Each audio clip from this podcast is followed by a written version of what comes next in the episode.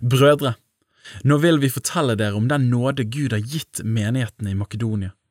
De har vært hardt prøvd i trengsler, men likevel er det av deres overveldende glede og deres dype fattigdom strømmet fram en rikdom på oppriktig godhet. For de ga etter evne, det kan jeg bevitne, ja, over evne, av egen drift. De ba oss inntrengende om den nåde å få være med i fellesskapet i tjenesten for de hellige.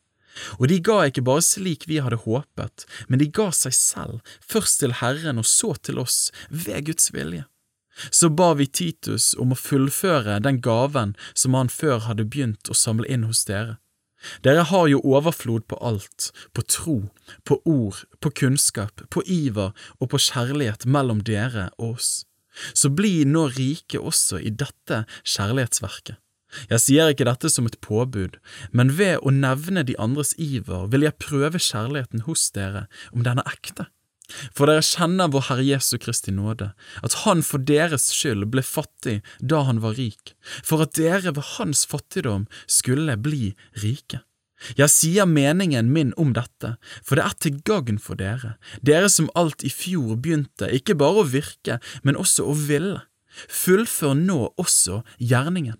La fullførelsen svare til viljens gode forsett, alt etter hva dere rår over.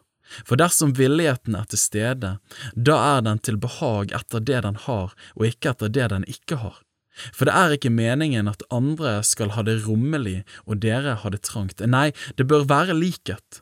Nå for tiden bør deres overflod komme dem til hjelp som lider nød, for de av sin overflod kan hjelpe dere når dere er i nød.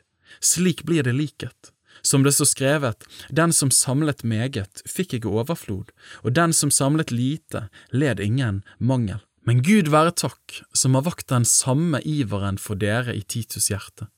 Han tok gjerne imot oppfordringen min, og ble så ivrig at det er etter eget ønske han reiser til dere. Sammen med ham sender vi den bror som har fått ros i alle menighetene for sin tjeneste for evangeliet. Ikke bare det, men han er også valgt av menighetene til å reise sammen med oss med denne gaven som vi har fått i stand ved vår tjeneste, til Herrens ære og til å vise vår gode vilje.